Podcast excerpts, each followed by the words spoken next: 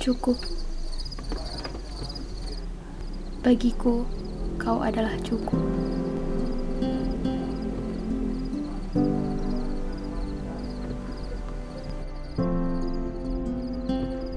Sore itu, aku menuju sudut kota Makassar bersama seorang kawan.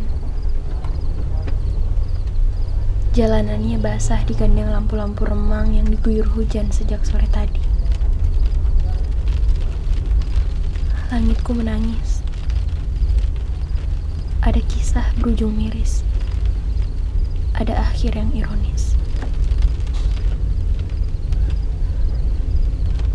Bersama dengan wangi di daunan basah, suara mesin AC dalam mobil dipecah oleh tanya kawanku.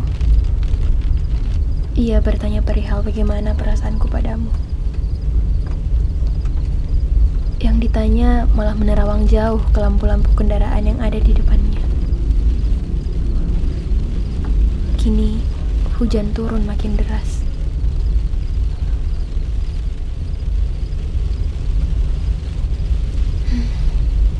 Begini, yang kuingat terakhir kali semuanya sudah susah payah kususun rapi.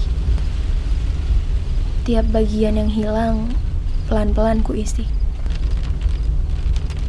pada beberapa bagian yang rusak,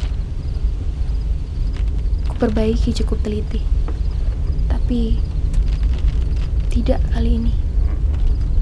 Kataku menjelaskan. Ia aku biarkan berantakan. Menjelma rumah yang kusengaja tak bertuan. Ada patah di dalam sana. Ada sakit yang entah karena apa. Puncaknya tiba pada titik di mana air mataku tak lagi bisa jatuh. Ia terlanjur mengering, berubah wujud menjadi beling. Yang menyelimuti kedua bola mataku dikala melihat foto bahagia yang kau unggah dua hari lalu di akun sosial mediamu.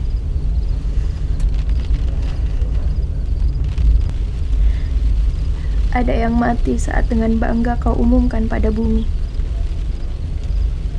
bahwa aku yang dulu kau puja sekali kini diganti dengan ia yang akan kau panggil istri. Ialah ruang yang mereka sebut hati. Hatiku.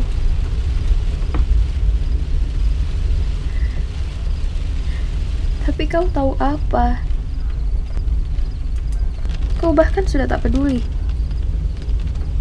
mengingatku mungkin kau sudah tidak lagi.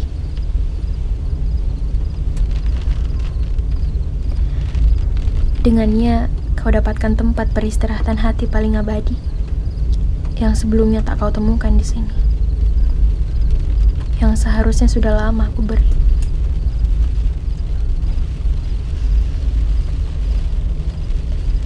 Bagiku kau adalah cukup.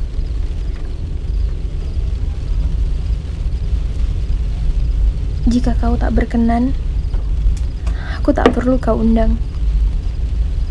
Sebab itu akan terasa bak aku menghadiri pemakamanku sendiri. Namun sungguh, atas nama Tuhan, melihatmu bersanding dengannya di pelaminan, aku turut senang.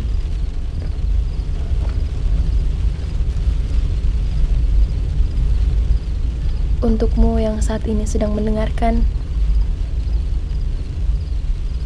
Kau pasti berpikir ini hanya imaji yang kukarang. Iya kan?